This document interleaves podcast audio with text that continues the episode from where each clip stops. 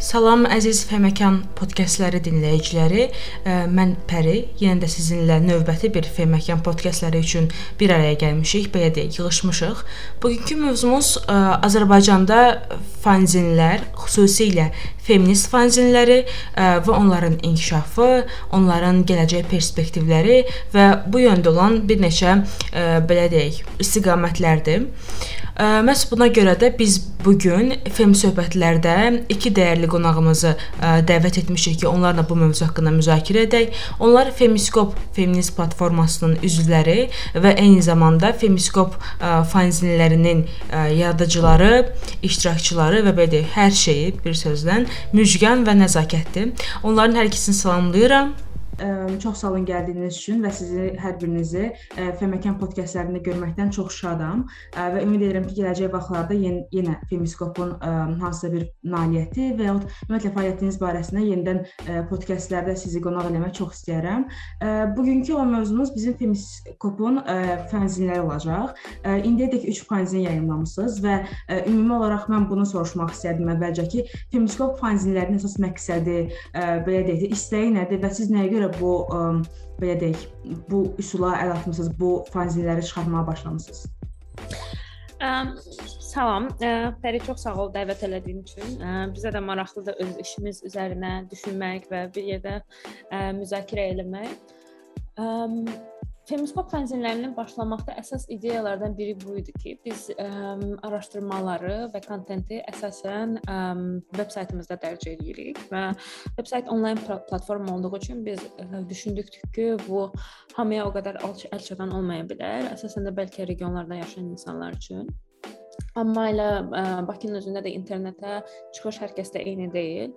Ona görə biz düşündük ki, yazdıqlarımızı və ə, yaratdıqlarımızı ə, daha çox insana çatdırmaq üçün fanzinlər ə, çox uğurlu bir metod ola bilər və ona görə də əslində qalsa bizim zinlərimizin çoxusu saytda olan məqalələrin sadəcə ə, nəşr olunmuş versiyasıdır. Məsəl üçün, yəni onlarda çox vaxt yeni kontent olmur, bir o qədər də. Yəni ona görə orada olan kontenti saytdan da oxumaq olar, amma Məqsəd bu idi ki, həm də daha çox insana, daha fərqli auditoriyalara çataq bununla. Amma əlbəttə bunun arxasında həm də o dayanır ki, zin özü bir nəşriyyat forması olaraq və ümumiyyətlə feminist nəşriyyat öz özlüyündə məncə bizim kollektivin və işimizin və düşüncə prosesimizin mühit bir mühüm bir hissəsidir. Yəni zaten zinlər ə, feminist, punk və ə, bu sülh mədəniyyətlərdən, yəni ə, hərəkatlardan gələn bir ə, nəşriyyat növüdür. Ona görə biz də düşündük ki, sırf bu ə, formatda çap eləmək işlərimizi hardasa bizim işlərimizlə və ə, ideologiyamızla üst-üstə düşür. Ha, nice. Ə, siz nə deyə bilərsiniz bu barədə Müjgan? Əgər varsa əlavələriniz? Ə, mən də nəzakətin ə, dediyi fikirlə razıyam ki, ə, yəni ümumiyyətlə zin mədəniyyəti və ə, feminist nəşriyyat mədəniyyəti ümumilikdə feminist hərəkatının çox önəmli alətlərindən biri olmuşdu.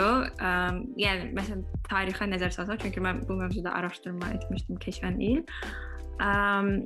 Əslində bu ə, feminist mədəniyyəti 1900, yəni feminist nəşr mədəniyyəti daha doğrusu 1970-ci ildə yaranıb.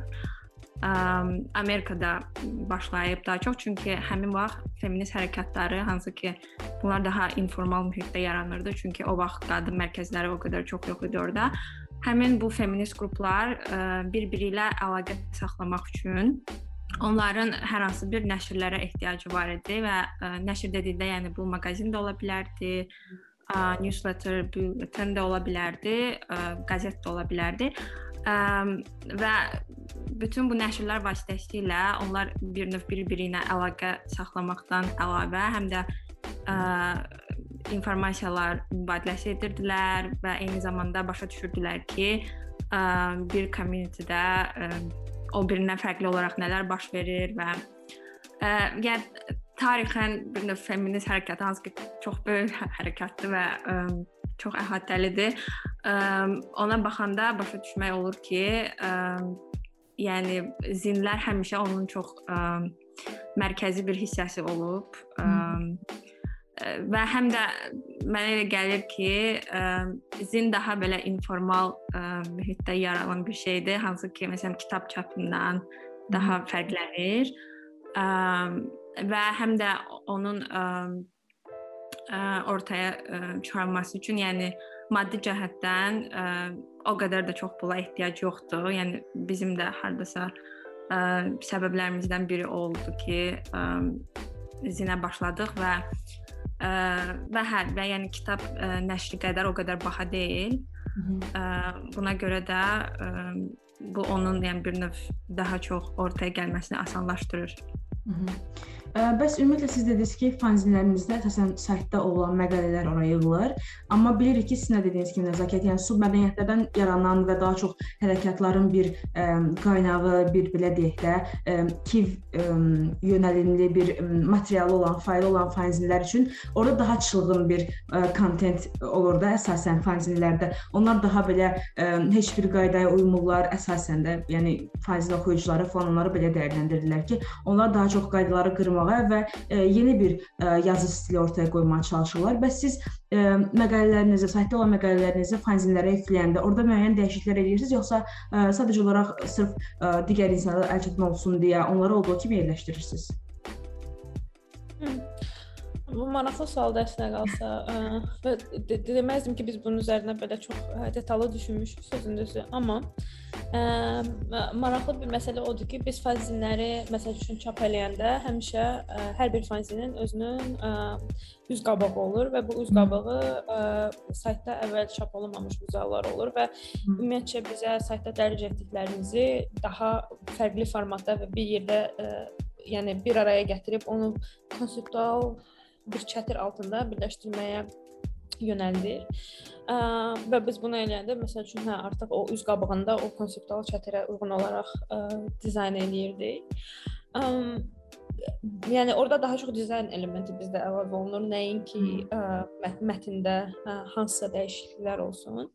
Ə, amma hə ə, doğrudur ki, yəni ə, bu fanzinlərin çapı əlbəttə həm də on, ondan irəli gəlir ki, əgər ə, hansısa nəşr evlərinin çap etmək istəmədiyi müəyyən səbəblərə görə kontent və yaxud da ki, ə, akademik olaraq kifayət qədər uyğun saymadığı və s. kimi yazıları, daha eksperimental işləri ə, irəli qoymağa icazə verir. Amma mənə elə gəlir ki, zaten biz bunu öz saytımızda da eləməyə çalışırıq. Yəni ə, ona görə də ə, bir növ fanzin bunların əksi olur və indiyə qədər bizim cəmsi 3 fanzinimiz olub və ə, əslində qalsa əgər davam etsək bu formatla ki, məncə maraqlı formatdır, onda sən dediyin ə, mövqedən düşünmək çox maraqlı olar əslində ən azından mənə çox. Ə... Mən də sevinərəm bunu görsəm əgər. Müjgan sizin əlavələriniz var yoxsa keçək o birisi ola? Mənə də əslində çox maraqlı gəldi sənin sualın, çünki nəzakət dediyi kimi, yəni bu haqqda əvvəldə düşünməmişdik. Ə, və nəzakət dizayn elementini qeyd elədi. Məsələn, ə, onu da deyim ki, fanzinin dizaynı da çox eksperimental şəkildə baş verir. Yəni fanzini məsələn mən dizayn eləməmişəm indiyə kimi. Ə, mən qrafik dizayner olsam da, ə, çünki yəni biz Femiskopda ümumiyyətlə bu hiyerarxik yanaşmadan uzaqıq. Ə, yəni bizim üçün bu platforma həm də yəni öz bacarıqlarımızı inkişaf elətdirmək üçün də yer ola bilər və ə, və bir növ ə, əvvəldə elə bir ə, iş bölgüsü olmayıb ki, ancaq dizayner fanzin dizayn etməlidir. Ə, və fanzinlərin o bayaq dedim, yəni o araşdırmanı qeyd eləyirdim. Həmin o araşdırmada da məsələn o qeyd olunurdu ki, yəni daha çox bu feminist hərəkətlər ortaya gələndə ə, həmin jurnallardan biri ə, New Distaff adlanırdı. Ə, no, ə, sorry, Distaff adlanırdı. Bu New Orleans şəhərində idi. Onlar məsələn qeyd edirdi ki, onların kollektivində hamı hər şey edirdi. Məsələn, hamı hekayə də yaza bilərdi fanzin üçün, fotoqrafiya da edə bilərdi. Və hətta elə olurdu ki, onlar auditoriyadan da soruşurdular ki, məsələn, Ə, sizcə ə, bu fond yaxşıdırmı və ya hansı fondu təklif edərsiniz istifadə etməyə? Ə, və biz də yəni öz qrupumuz daxilində bir növ bunları müzakirə edirdik ki, ə, yəni bu hardasa bu fanzin dizaynına çox kollektiv yanaşmadır, amma bu dizaynla da ötəri, yəni ümumiyyətlə sən kollektiv olaraq necə bir iş ortaya qoyursan, ona olan böyük bir yanaşmadır. Hı -hı. Bəs ümumiyyətlə gəlin Femiskop fanzinlərindən çıxaq və biraz daha geniş baxaq bu anlayışa. Fanzinlər bilirik ki, Azərbaycanda o qədər də çox necə deyim, müraciət olunan bir ə, üsul deyil, bir nəşriyyat forması deyil təsvir olsun ki, halbuki ə, əsas bizim gənclərdən bunu gözləmək olardı ki, doğrudan çox yaxşı işlər görmək olar. Xüsusən də bizim mədəniyyətimiz ona ə, imkan verir. Yəni bizim istər tarixi mədəniyyətimiz indi hazırda ə, olan sərgilər və s. və axır. Ə, amma bilmək istəyirəm ki, ümumiyyətlə feminist fanzinlər deyəndə ə, nə nəzərdə tutulur və feminist fanzinlər kimlərə xitab edir və nə üçün xitab edir? Bu əslində çox geniş bir sualdır. Yəni feminist fanzinlər kimə xitab eləyir? Ə, məncə məsələn burada femiskopun yəni baxışını hardasa bildirmək doğru olardı ki, yəni femiskopun nəşr elədiyi fanzinlər, bunlar femiskopun auditoriyasına xitab eləyir, amma ə, bu təkcə femiskopun auditoriyasına da kifayətlənmir, çünki fanzinin başqa rollarından biri də, yəni bu network yaratmaqdan əlavə həm də yeni insanları hərəkətə cəlb eləməkdir. Yəni ən azından feminist hərəkatında 60-70-ci illərdə fanzin mədəniyyəti başlayanda belə olub və məncə indi də bu şəkildə davam edir. Sadəcə indi bunu görmək biraz çətindir bugünkü dünyamızda. Çünki yəni biz hazırda ə, informasiya qaynağı olaraq ancaq kitablardan, jurnallardan, fanzinlərdən istifadə eləmirik. İndi internet var hansı ki bunu ə, yəni daha da qeyri-mərkəzləşdirir deyərdim. Ə, amma yenə də məsələn bizim də düşüncəmiz odur ki, ə, Femiskop ə, Instagram səhifəsinə və ya veb saytına çıxışı olmayan insan bəlkə fanzini hardasa görə bilər və ondan sonra maraq göstərə bilər. Ə, yəni deyərdim ki, hər kəsə xitab olunur, amma eyni zamanda ə, təbii ki, feminist məzmunu ilə maraqlanan insanlar üçündür. Bir də mənə elə gəlir ki, ümumi baxanda feminist fanzin dedikdə yəqin ki baş verən ə, dünyada baş verən yeni fenomenləri daha çox feminist ə, perspektivdən baxmağa icazə verir və bu, həm də feminist fanzin mütləq bu deyil ki, hansısa belə nəzəri və yaxud da ki, ə, çox belə araşdırma əsaslı olsun. Həm də o fanzinin gözəlliyi odur ki, insanların şəxsi təcrübələrini də əks etdirməyə ə, icazə verir. Məsələn, bir çox fanzinlər var ki, ə, hansısa ə, qadın öz menstruasiya ə, sikli ilə bağlı düzəldib və onun üzərinə ə, öz təcrübəsi üzərinə ə, düzəldilmiş fanzinlər də. Bəzi fanzinlər olur ki, ümumiyyətlə nəşr olunmur, əllə düzəldilir və kifayət qədər limitli sayda olur və onları sadəcə kopyalayıb bəlkə dağıda bilərsən, ə, daha ə, çox insana Yəni bu ə, nə qədər belə ə, sadə bir nəşriyyat üsulu olsa da, bir o qədər də çoxlu fərqli növləri ə, var və indiki gündə məsəl üçün mən ə, təzəlik işi bir fanzin təzə ə, istəmişdim bir ə, kollektivdən, yəni onlar fanzini dərc eləmişdilər və sən əgər öz poçt adresini versən, onlar sənə onu göndərirdilər. Və bu fanzin daha çox kriptovalyuta və ə, kriptovalyuta Azərbaycan kriptovalyuta və ümumiyyətcə maliyyə yeniliklərinə feminist baxış təklif eləyirdi və feminist nöqteyi nəzərdən buna analiz edirdi və çox dizayn olunmuş fanzin idi. Yəni ümumi bir jurnal qədər dizayn olunmuş bir fanzin idi və ə, əlbəttə bu hansısa bir layihə çərçivəsində görülmüşdü və bunun üzərində yəqin ki, ə, mütəxəssis dizaynerlər işləmişdi. Amma yəni Müjganın da dediyim kimi bizim fanzinləri məsəl üçün ə, biz özümüz mən mən dizayn eləmişəm. Mən dizayner deyiləm. Ona görə çox eksperimentaldır. Bəlkə də ə, o qədər də ideal olmaya bilər ə, bəzən. Amma ə, nə bilim məncə ə, mən dizayn eləyəndə ə, özümə maraqlı idi. Ən azından indi deyirəm insanların da xoşuna gələr.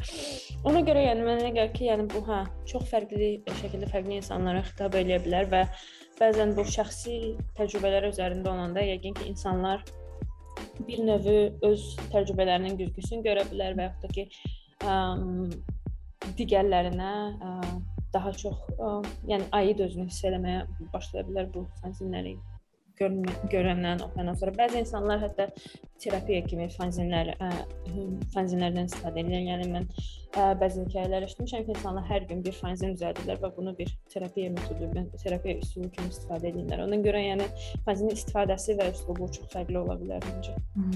Bəs ümumiyyətlə qloballa Azərbaycandakı bu fanzin mədəniyyətini, xüsusən də feminist fanzinləri müqayisə etsək. Çünki mən bildiyim qədərilə Azərbaycanda feminist fanzini çıxaran ilk ə, platforması sizsiz Femiskopdur və bunun başqa nümunələrini görməmişəm düzü. Bir dəfə səhv etmirəmsə 2-3 il əvvəl Meloman fanzin adında musiqili fanzin ə, musiqi janrında bir fanzin çıxacaqdı, amma o yarımçıq qaldı. Ondan başqa fanzin anlayışı çox görməmişəm. Bu bəlkə də mənim səhvimdə araşdırmamışam kifayət qədər. Amma əminəm ki, feminist ilk dəfə sizdədir.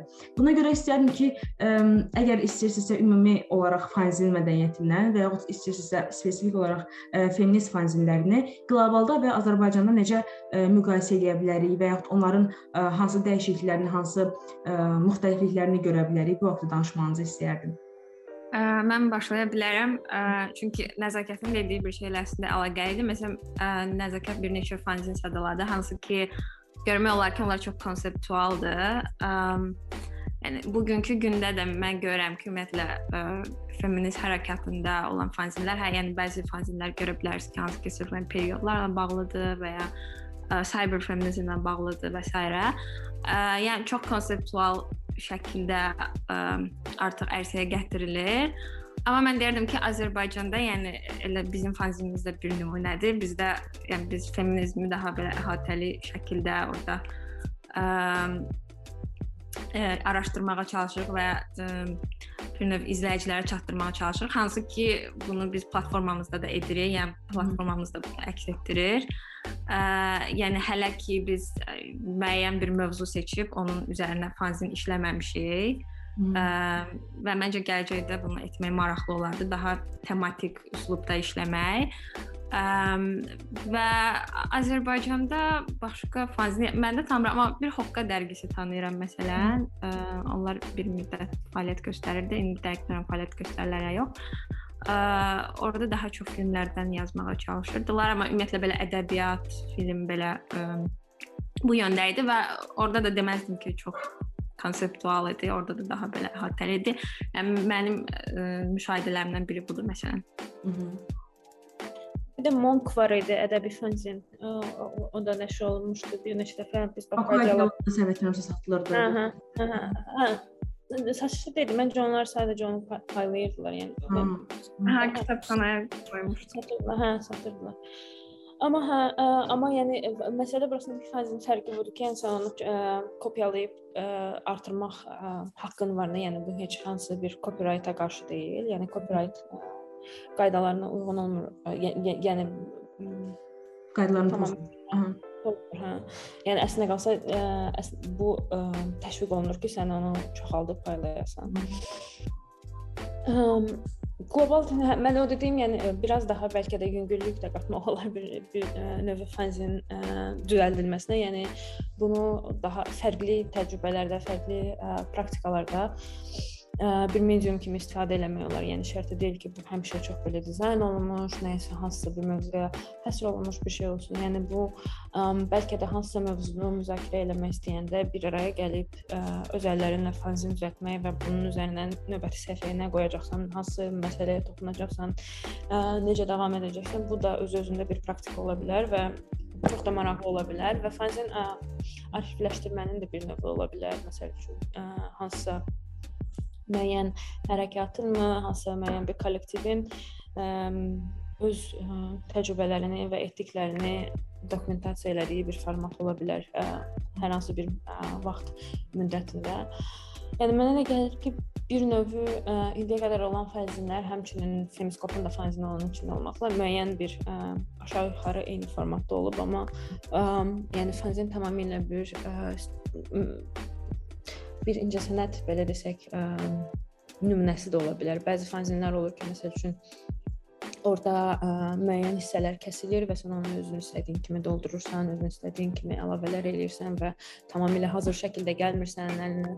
Yəni ə, məncə fərqli formatlarla eksperiment eləməyə və fərqli formatları ə, istifadə etmək çox maraqlı olardı və mən ə, yəni biz məsəl üçün bir dəfə eləmişdik ə, fanzin ə, workshop eləmişdik, festival ə, çərçivəsində ilahə eləmişdik bunu.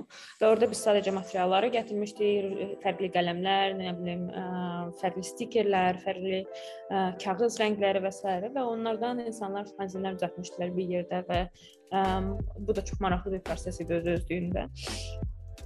Məncə belə ə, tədbirlərmi deyim, belə workshoplar daha çox olsa, bəlkə də mədəniyyət olaraq da fanzin mədəniyyəti daha çox yayılır. E, düzgün məncə çox ə, e, önəmli bir nöqtəyə basdınız. Yəni onlara ə, e, qeyd elədiniz ki, doğrudan mənə də elə gəlir ki, workshoplar nə qədər çox olsa, məsələn mən sizin workshopdan xəbərimiz xəbərim yox idi və bəlkə də ə, bir çox insan bundan necəsə həmin vaxtda çata bilmədi. Amma bunlar çoxalsa, düşünürəm ki, bir o qədər də ehtimal artar ki, doğrudan Azərbaycanda fanzin fanzin mədəniyyəti, ə, xüsusən də bəlkə spesifik olaraq feminist fanzinləri bir o qədər çox yaranar və bu da ə, sözsüz ki, əvvəlcə sosial olaraq çox ə, yaxşı təsir edəcək cəmiyyətə Daha sonra isə daha təhsil və s. və axır kimi ə, kateqoriyalar üzrə bəlkə də insanlara ə, xoş gələ bilər, onlara kömək edə bilər.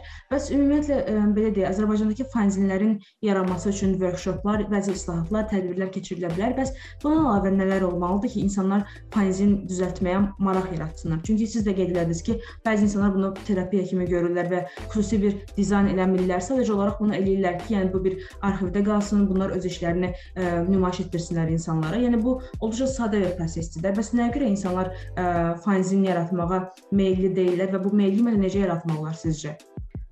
Um, mən onu deyərdim ki, um, hə, yəni workshopların olmağı çox önəmlidir. Um, ancaq workshoplarda əlavə də infrastrukturu ə, düşünmək lazımdır. Yəni ümumiyyətlə fanzin nəşrində çox önəmli ə, şərtlərdən biri də ə, print maşınının olmasıdır və ümumiyyətlə printingdə hansı ki buna çoxlu pul sərf edilir. Ə, Hə, məsələn, bizim fanzin özü də, yəni kitab çapı kimi bir növ nəşr edilir, amma daha ucuz qiymətə. Ancaq ümumilikdə fanzinin belə çap edilməsi biraz bahadır. Məsələn, 70-lərdə fanzin mədəniyyəti nəyə görə ə, belə sıçrama yaşadı? Çünki həmin vaxt ə, rizograf print ortaya gəlmişdi. Ə, bu rizograf printdə bir növ skaner ə, üsulu ilə işləyir və həmin üsulla print eləmək çox ucuzdur.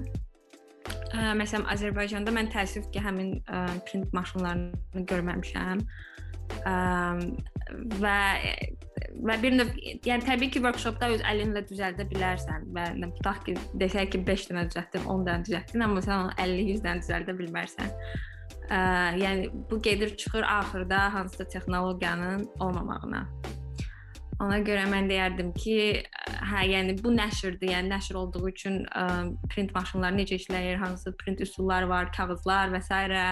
Yəni bunlar hamısı maddiyyat tərəfinə gedir və və bunlar düşünülməlidir və həmin infrastruktur bir növ olmalıdır ki, ə, sonradan insanlarda maraq da yaransın fanzin kimi, ümumiyyətlə femiskop kimi fanzinlər haqqında gələcəkdə planlarınız varmı? Ümumiyyətlə fanzin belə deyək də bu kateqoriyanı nə qədər yuxarıya, nə qədər gələcək irəliyə aparmaq olar Azərbaycan ə, cəmiyyətində, ə, xüsusən də hazırda feminist icması bilirsiniz ki, ə, böyük bir belə artımdadır. İnsanlar ə, hər daha çox çalışırlar, daha çox platformalar var qadınların səslərini ə, belə deyim, eşitdirmək üçün və bu müddəada, yəni bu baxımdan feminist femiskop ümumiyyətlə feminist fanzinləri üçün gələcəkdə nə kimi planlar görür, görmək istəyir və nə kimi ə, belə deyək, fikirləri var, ideyaları var?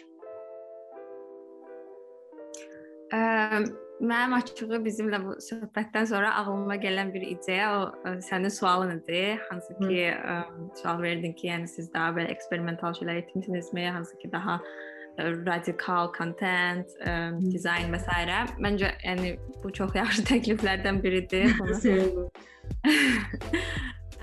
bunu yaxşı dəyərləndirmək olar və və yəni məsələn mən istəyərdim ki, daha ə, tematik şəkildə ə, fanzinlər işləyək, hansı ki, bir mövzu üzərinə olsun. Ə, təbii ki, bunun üçün daha ə, daha çox vaxt və enerji resursu tələb olunur. Ə, amma yəni bu da ə, bir arzulardan da deyək. Ə, Ə, və ümumilikdə yəni Azərbaycanda fanzin mədəniyyəti necə ə, daha sürətli inkişaf edə bilər? Bu bu da yaxşı sualdır. Mənim özümə də bu çox maraqlıdır. Çünki yəni bugünkü günümüzdə bir çoxumuz ancaq sosial mediadan istifadə edirik və ya ümumiyyətlə onlayn platformalardan istifadə edirik. Ə, və və bilmirəm, bəlkə də sənin də yadındadır o vaxt məsələn elektron kitablar və s. çıxanda Kindle-lar insanlar deyirdi ki, print öləcək. Aha, evet. Həmişə və... bu mövzu olur ümumiyyətlə, həmişə bu müzakirə olur. Nəyisə bir şeyin alternativ texnoloji bir e, yanaşması olanda insanlar həmişə fikirləşir ki, ənənəvi birbaşa öləcək, amma bunun görməyəndə qarşılığını artıq biraz çaşqınlıq yaranır. Aha, aha, eynən. Hə, yəni o çox böyük bir belə diskursiyadır ki, print öləcək və artıq yəni ə, mağazinlərin heç bir əhəmiyyəti qalmayacaq. Ə, ancaq belə olmadı. Yəni gördük ki, nəşr yəni daha çox inkişaf elədi və indi daha çox nə bilim mən çox fərqli məsələn jurnallar alıram, hansı ki bəziləri hətta universitet tələbələri tərəfindən hazırlanır. Ə, yəni yəni çox belə ə, sub yəni mədəniyyət hamısı jurnalları deyərdim. Ə, və Azərbaycanda da təbii ki, bunu görmək istəyərik.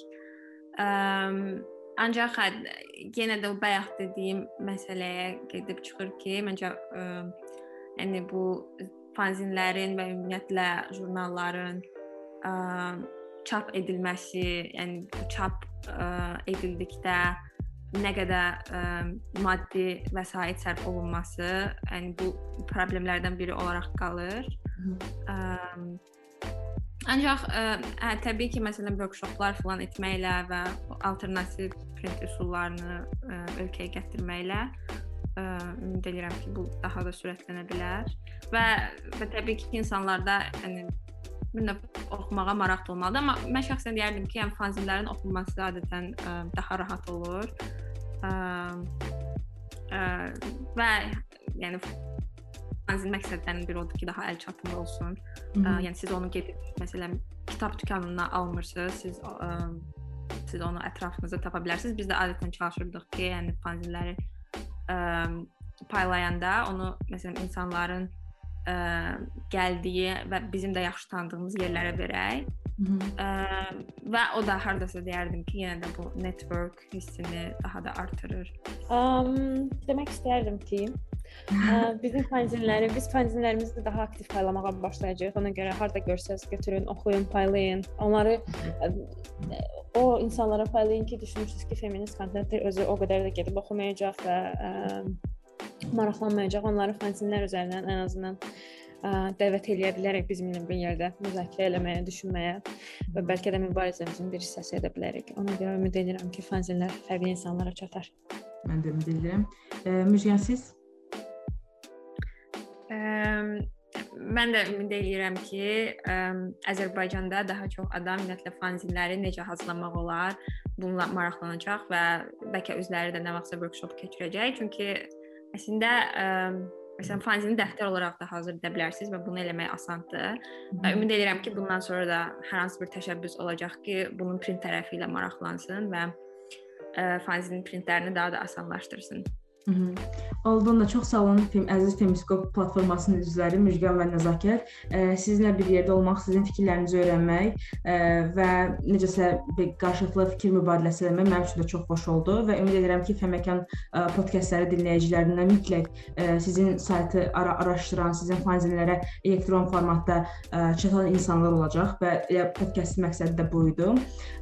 Və belə podkastı bitirmək istəyirəm. Bir daha çox sağ olun gəldiyiniz üçün.